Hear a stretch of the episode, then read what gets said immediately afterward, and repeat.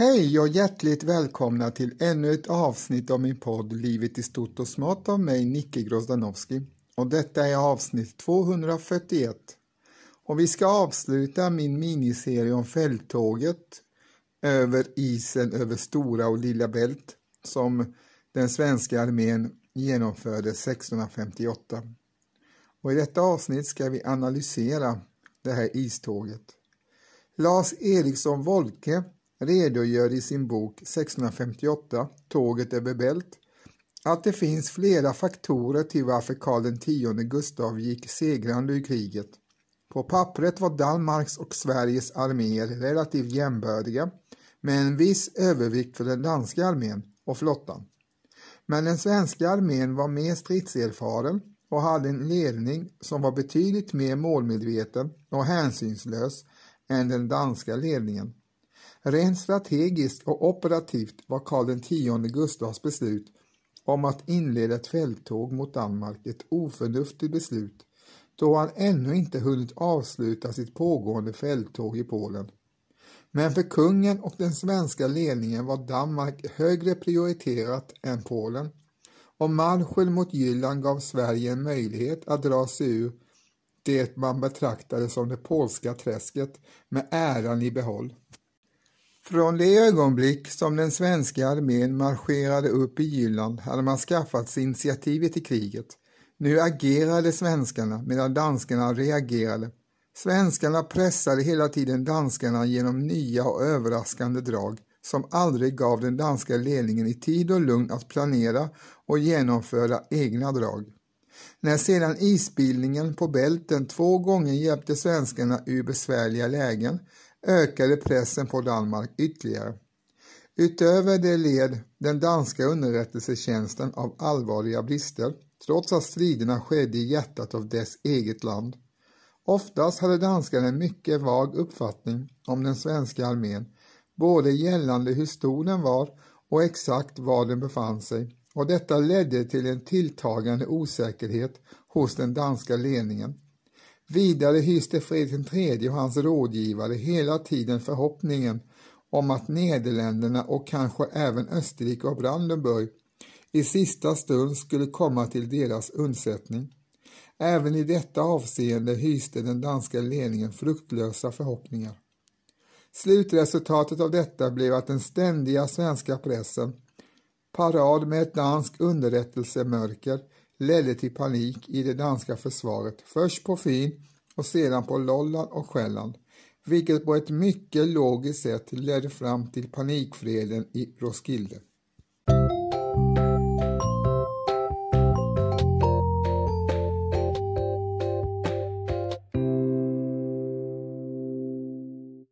Lilla Bält är ett sund mellan Jylland och Fyn i Danmark det är cirka 125 kilometer långt och täcker en yta om 2400 kvadratkilometer. På det smalaste stället vid Middelfart är Lille Bält 700 meter brett. Lilla Bält är en del av Bälthavet.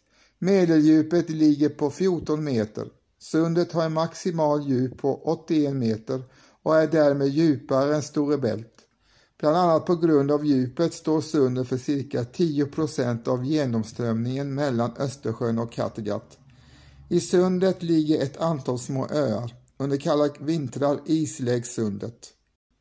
Stora Bält är ett danskt sund i Bälthavet avgränsat av Fyn och Langeland i väster samt Själland och Lolland i öst. Stora Bält är cirka 115 kilometer långt på det djupaste stället är det drygt 60 meters djupt och det står för hälften av vattenutbytet mellan Östersjön och Kattegatt Nordsjön. Den smalaste delen av Stora Bält är 12 kilometer i Langelands bält mellan Langeland och Lolland. Mellan Fyn och Själland är sundet 18 kilometer brett. På östra sidan bildar Stora Bält två vida bukter. Den norra, Jamreland bukt, ligger mellan halvöarna Asnäs och Rärsö. Den södra, Musholms bukt, ligger mellan Rärsö och Svenstrup. Stora Bältbron, som numera förbinder Nyborg på Fyn med Kosör på Själland via Sprogö, har ersatt de tidigare bil och tågfärjorna över sundet. Farlederna på var sin sida om Sprogö kallas Västerränden och Österränden.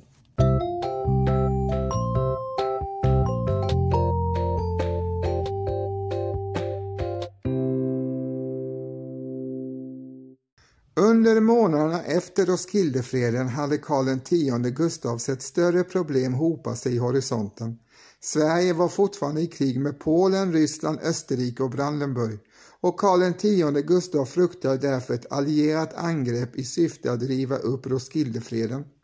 Karl X Gustav beslöt sig för att förekomma ett sådant angrepp genom att redan den 5 augusti 1658 förklara krig mot Danmark i syfte att utplåna Danmark som självständig stat för att därefter dela in landet i fyra guvernament och säkra Öresundstullsinkomsterna.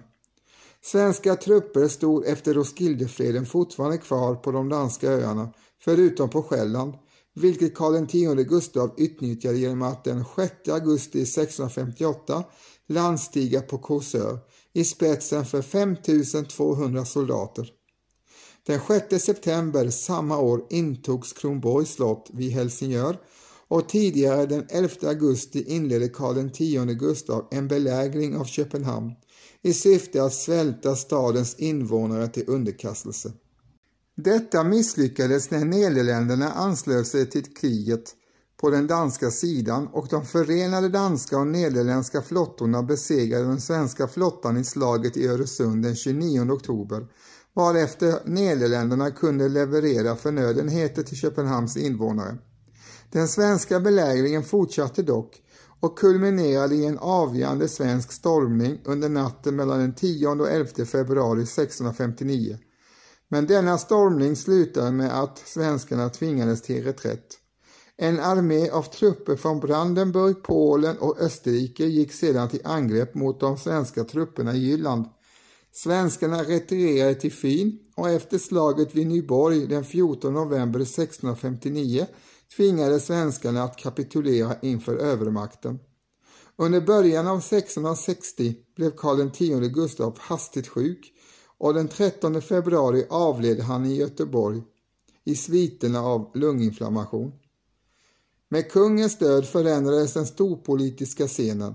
Sverige undertecknade freden i Oliva den 23 april 1660 med Polen, Österrike och Brandenburg. I freden i Köpenhamn den 27 maj samma år återlämnades Bornholm och Trondheims län till Danmark. Men de övriga landavträdelserna i Roskildefreden bekräftades.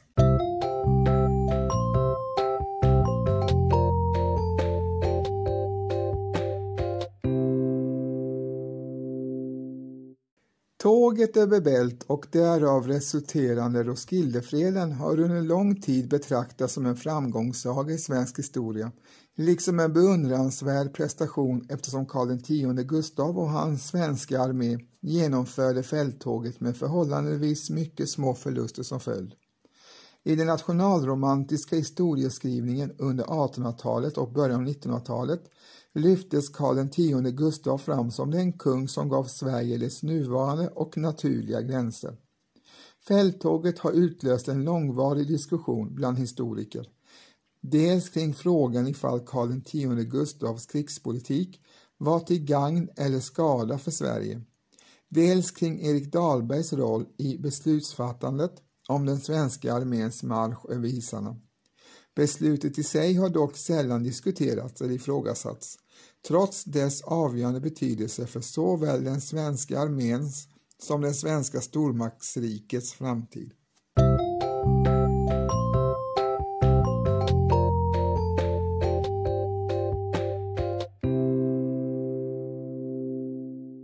Den första historiker som skildrade fälttåget och Karl X Gustavs handlingar var rikshistoriografen Samuel von Pufendorf i verket De rebus a Carolo Gustavo Gestis, Karl X Gustavs bragder, som skrevs på uppdrag av kungen själv, Karl X Gustav, och fullbordades i tryckt skick år 1696. Puffendorf använde olika källor som skildrade händelseförloppet, såsom Hughes, Terlans och Philip Meadows relationer och den svenska sekreteraren Edvard Ehrenstens anteckningar. Enligt dessa tre var det Karl X Gustav som var den drivande aktören och som tog de avgörande besluten i fälttåget, ibland i strid med hans rådgivares varningar. Enligt Puffendorf var Karl X Gustav den ensamma hjälten och Roskildefreden endast kungens förtjänst. Bilden av omständigheterna kring de avgörande beslutstillfällena i Fredriks Odde och på Fyn komplicerades när Erik Dahlbergs självbiografi och utdrag ur hans dagbok trycktes 1757 respektive 1785. I båda dessa verk lyfte Dahlberg fram sin egen roll för kungens beslut att gå över Stora Bält. Det var hans rekognoseringar och att det var det faktum att han personligen framförde rapporten om isförhållandena till kungen som satte igång processen och detta var därmed den drivande kraften bakom kungens avgörande beslut. I de resulterande diskussionerna i Nyborg var det Dahlberg som övertalade kungen att våga se ut på isen medan Wrangel och Korfitz Ulfeldt avstyrkte det hela. År 1786 skrev Carl Gustav Nordin en biografi över Erik Dahlberg och konstaterar att citat på Dahlbergs ord sker tåget över Bält och utan densamma hade Sverige varit några landskap ringare och världen hade haft ett hjälteverk mindre att beundra. Slutcitat.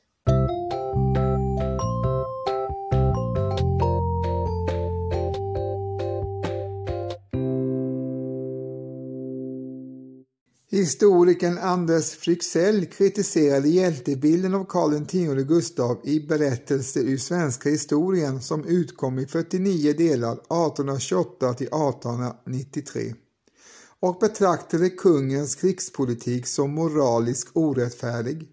Fryxell fick dock mothugg av Wilhelm Erik Svedelius som 1844 menade att man inte kunde lägga moraliska värderingar på statsmäns handlingar och ansåg att statens bästa var synonymt med det moraliskt goda. Fryxell gick 1855 till motattack och jämförde Karl X Gustavs anfall på Danmark 1658 med Rysslands angrepp på Sverige 1808, där det sistnämnda ledde till förlusten av Finland.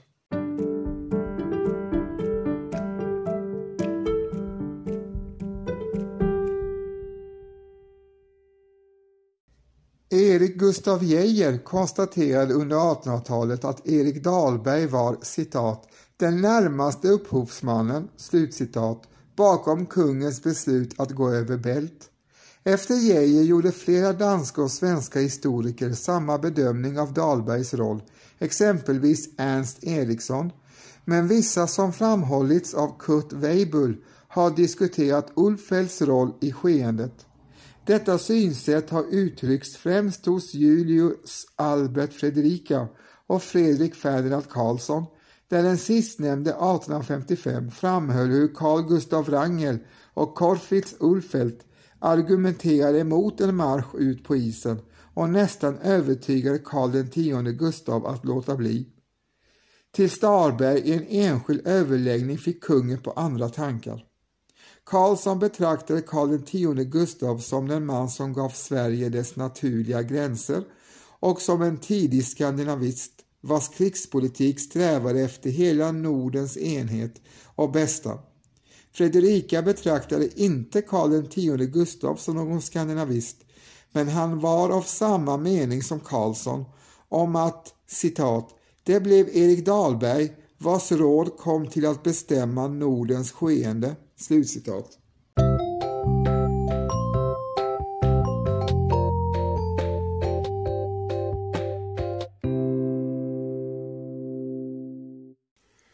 Beslutsprocessen bakom tåget över Bält granskades kritiskt av Gustav Björlin 1921.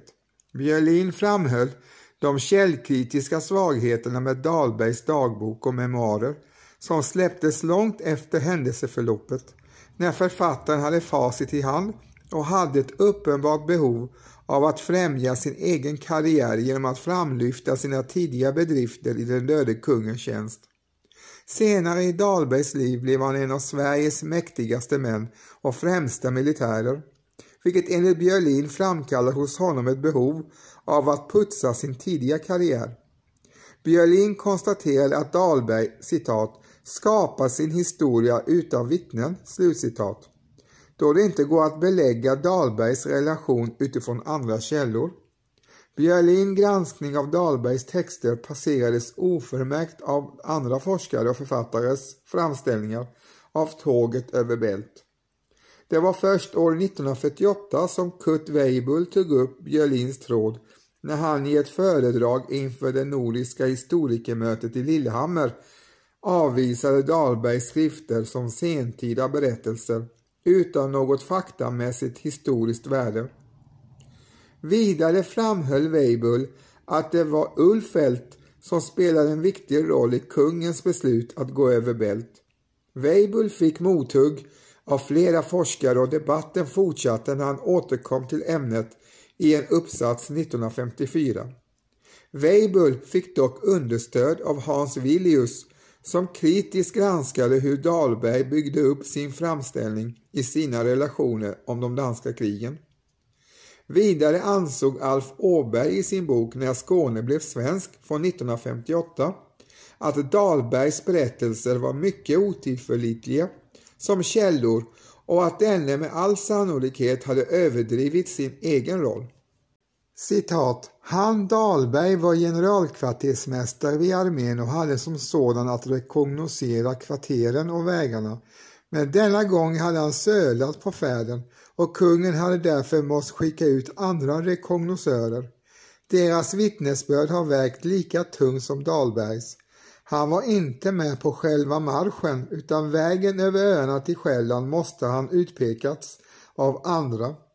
Dahlbergs uppgifter att Wrangel och Ulfeldt avrått från ismarscher har dessutom visat sig oriktiga. Wrangel var nitiskt sysselsatt med att utröna isens bärkraft på sitt avsnitt och Ulfeldt stod vid kungens sida då det avgörande beslutet fattades. Det råder ingen tvekan om att det var kungen och inte Dahlberg som tog initiativet och bar ansvaret för äventyret. Slutcitat Alf Åberg.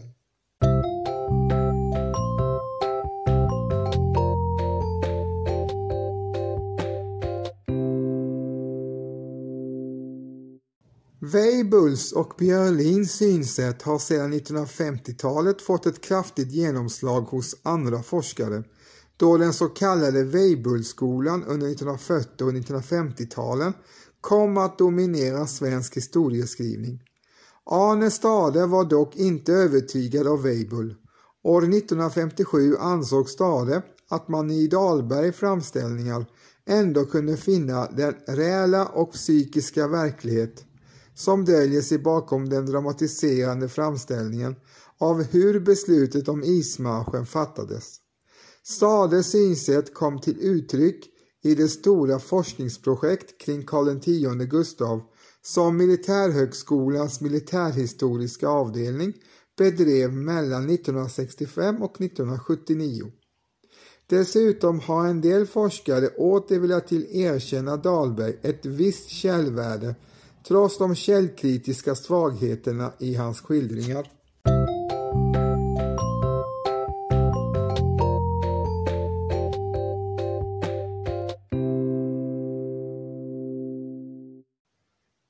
Redan i samtiden skildrades det första danska kriget och tåget över Bält av skalden Georg Stjernhielm i verket Discursus Astropoeticus som dock inte var en traditionell hjältehyllning av skeendet.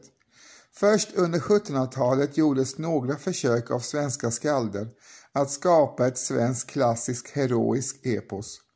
Hedvig Charlotta Nordenflykt skrev 1754 dikten Tåget över Bält där hon framställde händelserna under Karl Xs regeringstid som ett resultat av övernaturliga krafters spel. Hon tävlade med dikten i Vitterhetsakademins första pristävling men vann inget pris. Akademins sekreterare Olof von Dalin anklagades för att medvetet ha undanhållit dikten från drottning Lovisa Ulrika och Vitterhetsakademins medlemmar. År 1785 publicerade Gustav Fredrik Gyllenborg diktverket Tåget över Bält. Varken Nordenflykt eller Gyllenborgs verk rönte dock någon framgång hos den stora publiken. Arnold Munthe skrev teaterpjäsen Tåget över Bält som uppsattes den 12 februari 1920 på Dramaten i Tor Hedbergs regi.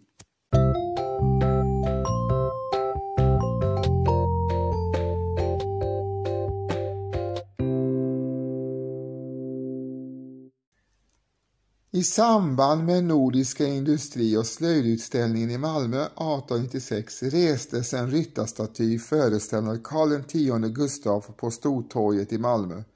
Statyn skapades av John Börjesson och drivande bakom projektet var politikern Karl Herslov tillsammans med historikern Martin Weibull som höll högtidstalet den 28 juni 1896. Weibull framförde Karl X Gustavs långsiktiga försök att förena de nordiska folken på 1650-talet. År 1908 firades 250-årsminnet av Roskildefreden i Malmö. På Kungstorget i Uddevalla invigdes 1915 Theodor Lundbergs staty föreställande Karl X Gustav beledsagad av Erik Dahlberg. Även i Stockholm planerades för en staty av kungen och efter en långdragen process, främst på grund av den norska-svenska unionens upplösning 1905, invigdes en ryttarstaty framför Nordiska museets byggnad den 6 juni 1917. En staty skapad av Gustav Malmqvist.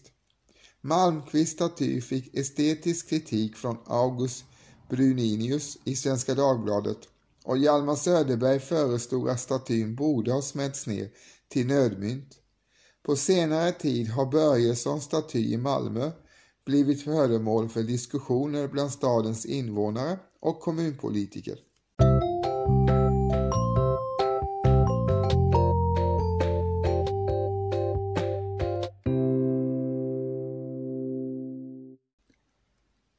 Eldtåget har skildrats i flera avbildningar, både i målningar och i kopparstick. Bataljmålarna Johan Philip Lemke 1631-1711 och Karl Andreas Dahlström 1860-1869 skildrar Karl X Gustavs armé på isen i täta formationer och prydliga fyrkanter när de i verkligheten spred ut sig, gick på flera meters avstånd och ledde sina hästar för att isen inte skulle brista. Lemke utförde dessa målningar med ledning av Erik Dahlbergs teckningar eller gravyrer och under dennes inseende. Lemkes målningar är upphängda i Karl X Gustavs galleri i Drottningholms slott. Gustav Cederström gjorde en målning som 1912 uppfördes i Riddarhuspalatsets trapphus föreställande Karl X Gustav till häst med Dahlberg som till fots visar vägen över det isbelagda Stora Bält.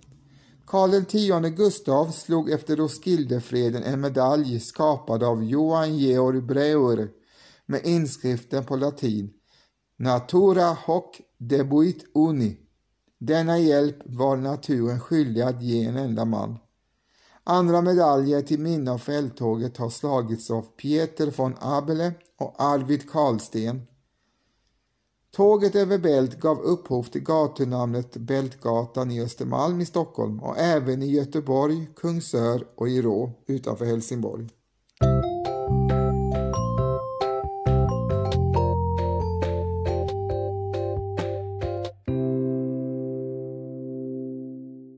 Ja, detta var alltså del 3 i min miniserie om fälttågen över isarna i Lilla och Store Bält 1658. Ett fälttåg som förändrade Sveriges och Danmarks historia.